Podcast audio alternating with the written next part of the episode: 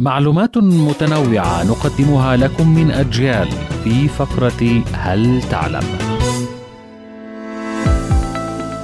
مخطوطة غلافها مصنوع من جلد البشر يعود تاريخها إلى القرن السادس عشر ولا يزال محتواها يمثل لغزا كبيرا حير جميع العلماء تعرض المخطوطة في متحف المطبوعات النادرة في المكتبة الأكاديمية الوطنية في عاصمة كازاخستان